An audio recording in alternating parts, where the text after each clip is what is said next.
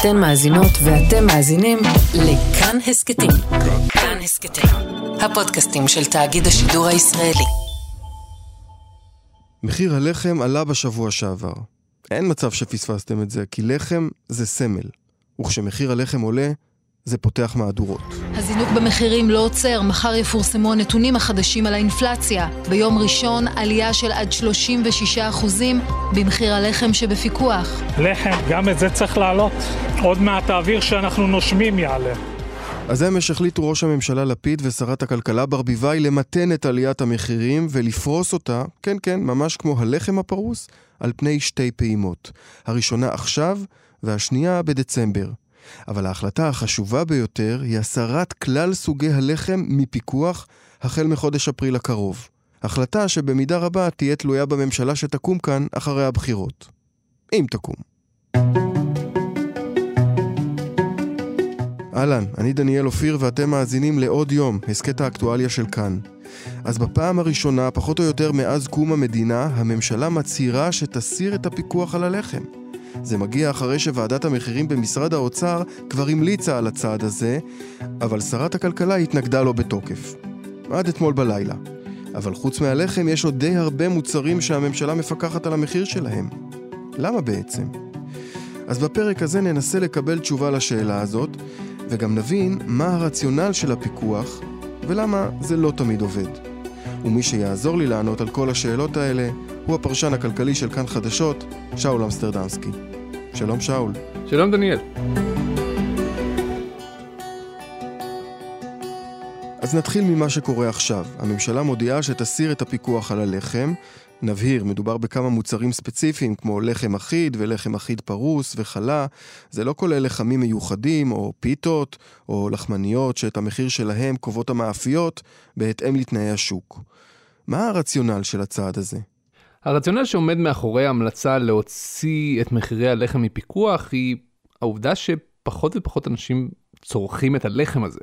גם בקרב השכבות החלשות ביותר, כן, החמישון התחתון, האנשים שהמשכורת שלהם היא הנמוכה ביותר במשק, גם הם מוציאים יחסית מעט מתוך ההוצאות שלהם על מה שנקרא מוצרי לחם, דווקא על לחם בפיקוח. אם נשים את זה במספרים אבסולוטיים, הם מוציאים כמעט פי ארבעה יותר על פיתות ולחמניות מאשר שהם קונים לחם אחיד, לא משנה אם פרוס או לא פרוס, ובאופן עקבי, לאורך העשור האחרון, הם מפחיתים את ההוצאה שלהם על לחם במחיר מפוקח. עכשיו, יכולות להיות לזה שתי סיבות. יכול להיות שהם באמת פשוט כבר לא כל כך אוהבים את הלחם הזה ומעדיפים דברים אחרים, ויכול להיות שהמאפיות מייצרות פחות מהלחם הזה, כלומר שאפשר למצוא אותו פחות ולכן קונים דברים אחרים.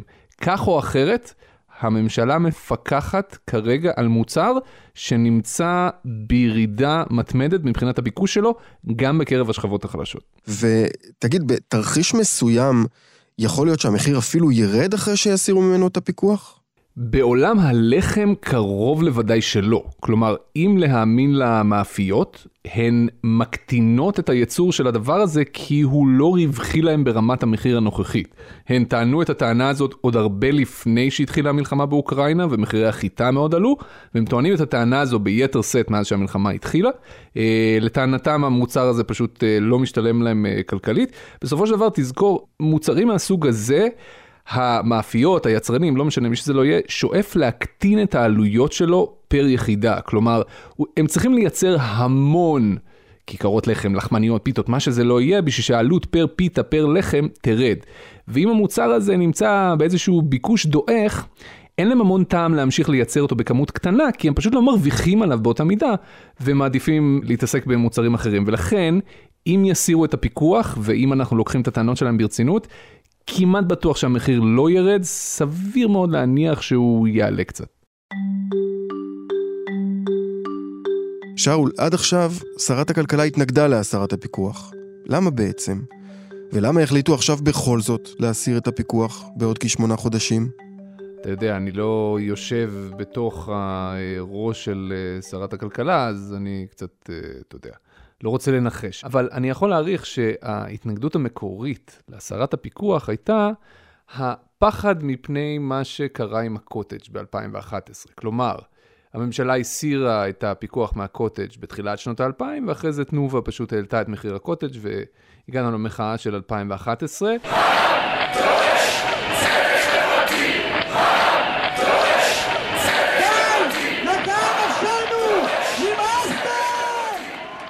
אני מניח ששרת הכלכלה ופוליטיקאים אחרים לא ממש אה, רצו אה, שהדבר הזה יהיה אה, כתוב על שמם, בטח ובטח בתקופת בחירות. אני מודה מפה לרשתות השיווק שהסכימו לפניית הממשלה לחכות עד שנמצא פתרון. אני מודה לנציגי המאפיות שעובדים איתנו למנוע עליית מחירים שתפגע בשכבות המוחלשות ביותר בחברה.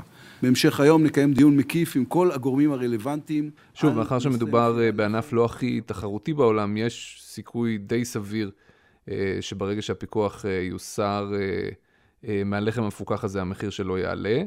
But then again, כשאתה צריך לשקול שתי אפשרויות, או שאתה תהיה חתום על העלאת מחירים משמעותית, שנעה בין 11% ל-36%, תלוי בסוג הלחם, או שאתה תהיה זה שמודיע לציבור שהוא הצליח להפחית את עליית המחירים. כלומר, המחירים עולים, אבל בפחות משמעותית, בחצי, כן, אפילו פחות מזה, תלוי בסוג הלחם, ואחרי זה, הפיקוח על הלחם יוסר, כשזה כבר יהיה לגמרי במשמרת של ממשלה אחרת ופוליטיקאים אחרים, וואלה, זה אחלה דיל. אתה ממתן את אה, עליית המחירים, ומתישהו הפיקוח הזה, וכבר אף אחד לא יזכור לך.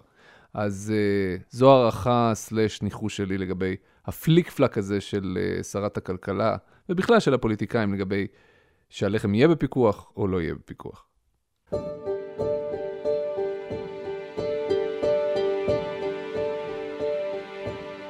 בוא ניקח רגע כמה צעדים אחורה, וננסה ככה להסביר בצורה קצת יותר אה, מסודרת מה זה הפיקוח על המחירים, ומאיפה הוא נולד, מאיפה הוא הגיע אלינו.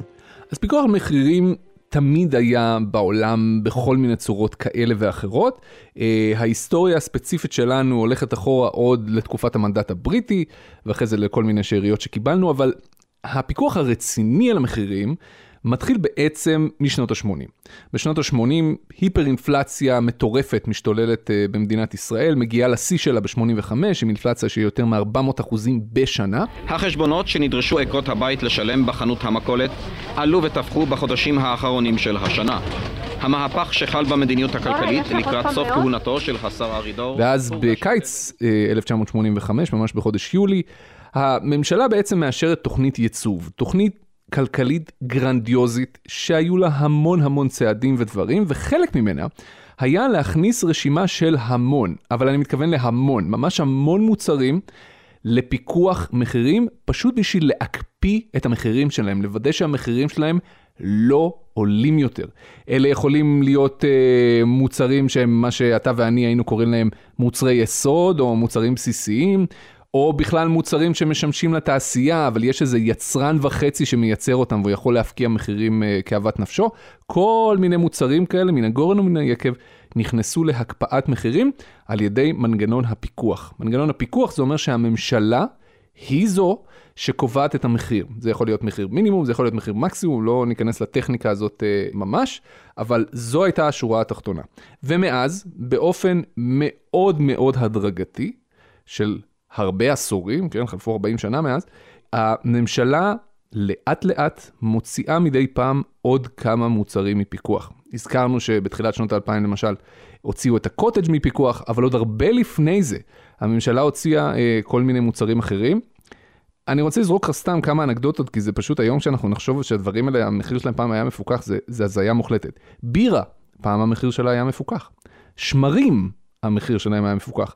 גפרורים, ויש עוד המון המון מחברות 16 ו-40 דף, כל מיני דברים מצחיקים כאלה. Uh, היום הדברים האלה uh, לא במחיר מפוקח, בין היתר כי הענפים האלה השתנו לחלוטין, אבל בעיקרון שורש כל העניין הזה של המוצרים שנשארו בפיקוח מחירים הוא באמצע שנות ה-80. בעצם מה שהיום תחת פיקוח זה כל מה שלא יצא מפיקוח, אז נשארנו עם כל מיני שאריות כאלה, חלק עם אה, יותר היגיון, אולי חלק עם פחות, למשל יש לנו את הלחם, דיברנו עליו, ביצים, גבינה צהובה מסוג מסוים, גבינה לבנה, חלב, בהחלט מוצר יסוד, מלח, אשל, גיל, הגיל שלך תחת אה, פיקוח של הממשלה, גם השמנת החמוצה וגם השמנת המתוקה. אבל לפי מה נקבעים המחירים המפוקחים? יפה, זו שאלה מצוינת, וכאן בעצם אנחנו נכנסים למה שהוא בעיני כלכלנים רבים נחשב שורש הבעיה של אה, כל השיטה הזאת של פיקוח על מחירים. כל המוצרים האלה שאתה הזכרת הם בצדק נחשבים לסוג של אה, מוצרי יסוד, כן? אה, ביצים, כל הדברים האחרים שהזכרת, גבינות. שים לב אגב שזה תמיד הסוגים הכי פושטים של הדברים האלה, זאת אומרת זה תמיד יהיה חלב פושט, זאת תהיה הגבינה הכי הכי פושט שאפשר להעלות על הדעת. אף אחד לא מפקח על כל סוגי החלב או הגבינות וכולי, וגם זה קשור לשורש הבעיה. כשהממשלה מפקחת על המחיר של משהו, מאיפה הפקידים במשרד האוצר ומשרד החקלאות ומשרד הכלכלה יודעים לקבוע מה בעצם המחיר הנכון במרכאות של מוצר מסוים? הרי הפקידים האלה לא מייצרים דבר, אלא הם צל של מושג איך קובעים את המחיר. הם בעצם מאוד מאוד תלויים ביצרנים של אותם מוצרים. אה, בחלב זה תנובה ושטראוס וטרה, בלחם זה המאפיות, בביצים יש כל מיני מגדלי ביצים. זה נורא נורא תלוי, אוקיי? יש מוצרים, כמו הדלק למשל, שבהם זה פשוט נוסחה מוחלטת. מה שקרה אה, לשער הדולר ולמחיר של חביב ברנט מסוג מסוים באגן אה, אה הים התיכון בשלושת הימים האחרונים של החודש, זה מה שיקבע. אבל במוצרים אה, שוטפים כמו לחם, כמו ביצים, חלב, כל הדברים האלה, הם בעצם נשענים על הנתונים שמעבירים להם כל הזמן היצרנים. כשיש איזושהי נוסחה מסוימת, שהיא משתנה ממוצר למוצר, אנחנו לא ניכנס אליה, שהמטרה שלה היא בעצם לקבע איזשהו שיעור של רווחיות שהממשלה עצמה החליטה שהוא נורמטיבי לאותן מאפיות. כלומר, הממשלה קובעת איזשהו מחיר מפוקח ללחם, שמבטיח למאפיות איזשהו שיעור רווח מסוים. אם כל מיני דברים מתייקרים, כמו חיטה, כמו עלויות העבודה, כמו חשמל וכולי וכולי, ופתאום המאפיות, שיעור הרווח שלהם יורד, אותן מאפיות בדוגמה הזו יבואו לממשלה ויגידו, אה אה אה, סליחה, שיעור הרווח שלנו ירד, ממשלה יקרה, את צריכה להעלות את המחיר המפוקח. וזה מה שקרה בפועל. נכון מאוד. עכשיו, הממשלה, מה היא יכולה לעשות?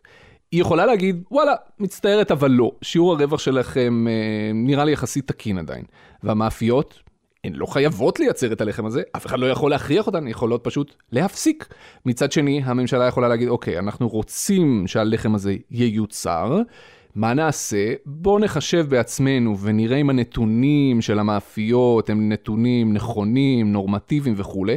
לממשלה יש בסופו של דבר כלים די מוגבלים לעשות את הניתוחים האלה, כי כאמור, הממשלה עצמה לא מייצרת את הדברים האלה. היא לא נמצאת במשא ומתן עם ספקים, היא לא יודעת אה, עד כמה התחרות בענף הזה טובה או לא טובה. אין, אין לה את כל הנתונים האלה, היא ממש מתבססת על הנתונים שמעבירים היצרנים ועל יכולת אנליזה מינימלית, ובהתאם לזה הממשלה אה, קובעת את המחיר. וכך נוצרות כמה בעיות. מצד אחד, היצרנים כל הזמן יכולים להעמיס עוד ועוד הוצאות שלהם על עלות המוצר, ובעצם כל הזמן לנפח את המחירים דרך המנגנון הממשלתי. וחוץ מזה, אמרתי קודם שהממשלה מפקחת על המחירים של המוצרים הפושטים, כשאתה מייצר איזשהו מוצר בפיקוח, אין לך שום תמריץ כיצרן גם לא להתייעל, גם לא לחדש ולהפוך את המוצר ליותר טוב, כי מה אכפת לך? אתה תמשיך לקבל את אותו שיעור רווח על אותו מוצר. יש לך אפס תמריץ לעשות בו איזשהו שינוי. ולכן בסוף זה כל המוצרים הפושטים האלה וכל המוצרים היותר מיוחדים ויותר מעניינים, אלה מוצרים שלא נמצאים בפיקוח בכלל ואף אחד לא חושב לפקח עליהם. ושם זה נכון שהמחיר שלהם בדרך כלל יותר גבוה, אבל יש חדשנות, יש יצירתיות, יש מגוון גדול יותר. אלה הבעיות של מנגנון הפיקוח על מחירים. אז רק נזכיר שיש פרק מצוין של חיות כיס, גילוי נאות, אתה אחד מהמגישים של הפודקאסט הזה. פרק 10, מחפשים את סוארי. למה סוארי? כי הוא רואה החשבון שעל שמו אה, הנוסחה המסובכת הזאת של אה, קביעת המחיר, אז חפשו חיות כיס פרק 10 להרחבה בעניין הזה. אבל שאול, תן לי בכל זאת איזה דוגמה כבר דיברת על הבעייתיות של הנוסחה הזאת, שפקידים קובעים מחיר, אבל יש לנו דוגמאות למשהו שממש היה מגוחך? כן, אחת הדוגמאות אה, הטובות זה כל מה שקרה עם אה, מחיר המלט. המלט בישראל גם הוא מוצר שמיוצר בשוק שהוא לא תחרותי, לפחות עד לפני uh, כמה שנים. חברת המלט נשר, שאז הייתה בבעלות משפחת לבנת, בעצם הייתה מונופול בענף הזה. ולכן אה, היה איזשהו אה, היגיון בלפקח אה, על המחיר, המלט בסוף הוא תשומת בנייה מאוד מאוד מרכזית וחשובה, וזה משם מתגלגל למחירי הדיור וכולי, ובמשך שנים באמת משרד הכלכלה פיקח על מחירי המלט. עד שהגיע דוח מבקר המדינה בשנת 2015, שהראה שמחירי המלט בישראל הם הרבה יותר גבוהים ממה שהם היו צריכים להיות. שוב, מוצר שהוא במחיר מפוקח, שהממשלה קובעת אותו, פשוט משום שהממשלה התרשלה בפיקוח. וכשאנחנו אומרים התרשלה, שוב, אלה דברים שקבע מבקר המדינה, זה פשוט משום שאותם פקידים במשרד הכלכלה לא ידעו לחשב נכון את המספרים. חברת נשר פשוט העמיסה עוד ועוד הוצאות באופן שיטתי ומאוד מאוד אה, ברור על עלויות ייצור המלט, הוצאות שמבחינת הנוסחה בכלל לא היו אמורות להיות אה, חלק מהשיקולים בלקבוע את המחיר. וכך יצא שפשוט החברה, שהיא חברה מפוקחת, הפכה את הרגולטור למה שנקרא רגולטור שבוי, שהוא פשוט עושה מה שהחברה אומרת לו, כי אחרת החברה מאיימת, לא, לא, לא, אנחנו נפסיק לייצר, ואתה יודע, הממשלה לא באמת אה, יכולה שלא ייצרו אה, מלט, וכך הגענו למצב שכולנו משלמים מחיר מפוקח, מנופח. על מוצר שהיינו צריכים לשלם עליו פחות.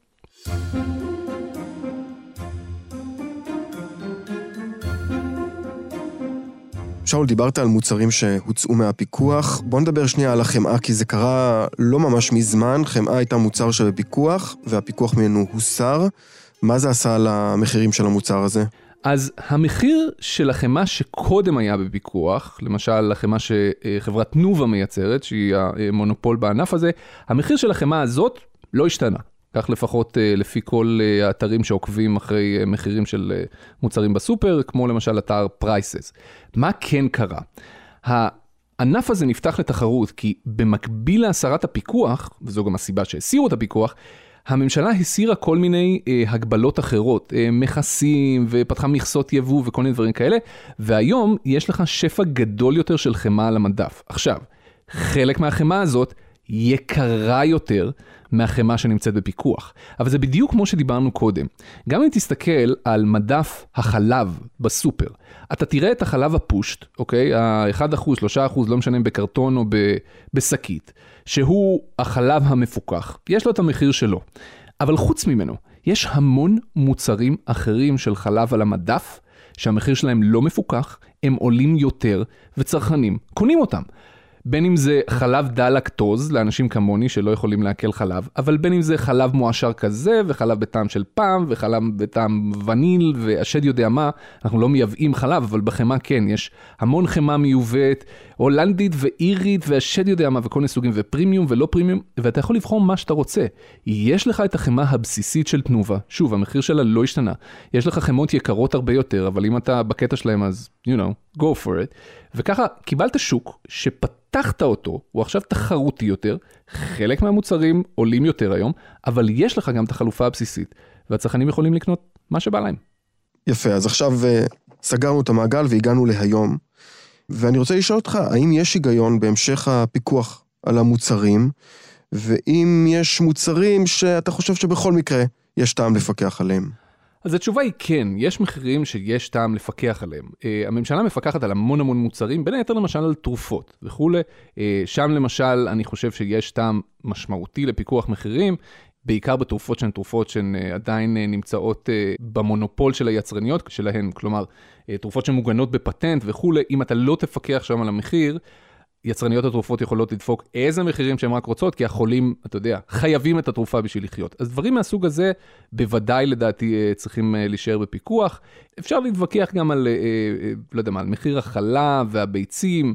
אני חושב שהפיקוח שם, שוב, הפיקוח הוא הבעיה הכי קטנה בכל שרשרת ייצור המוצרים האלה, אם השוק עצמו היה תחרותי יותר, אפשר היה גם להסיר את הפיקוח, ואני חושב שהמחיר לכל הפחות אה, אה, לא היה משתנה, אולי אפילו יורד. גם בדלק אני חושב שיש טעם לפיקוח מחירים, כי גם, גם זה שוק מאוד לא תחרותי. אנחנו מקבלים את כל הנפט שלנו, מייבאים אותו מחו"ל, והוא עובר דרך בתי הזיקוק. אין פה הרבה שחקנים, ולכן בלי פיקוח מחירים, המחיר היה יכול להיות אסטרונומי, גם ככה הוא די גבוה. וכך גם למשל במחיר החשמל, אוקיי? יש לנו, אין המון המון תחרות אה, בייצור חשמל, ולכן הגיוני שהממשלה תפקח. בלחם ספציפית, אני חושב שזה פשוט דיון של לפני 20 שנה. הנשים כבר לא קונים את הלחם הזה. לא המון, בכל אופן. אה, הם מסתדרים עם תחליפים, הם קונים פיתות. למה אנחנו מפקחים על מחיר של לחם אחיד פרוס, ולא מפקחים על מחיר של פיתה? שיבוא מישהו ויסביר לי את זה. למה פיתה לא מפוקחת, ולמה הלחם האחיד הפרוס כן מפוקח. ביום שאני אשמע נימוק הגיוני אחד לזה, אולי אני אשתכנע. אבל בינתיים, כל עוד זה המצב, לדעתי, אפשר היה להסיר את הפיקוח על מחירי הלחם. שאול אמסטרדמסקי, תודה רבה. בכיף, תודה רבה.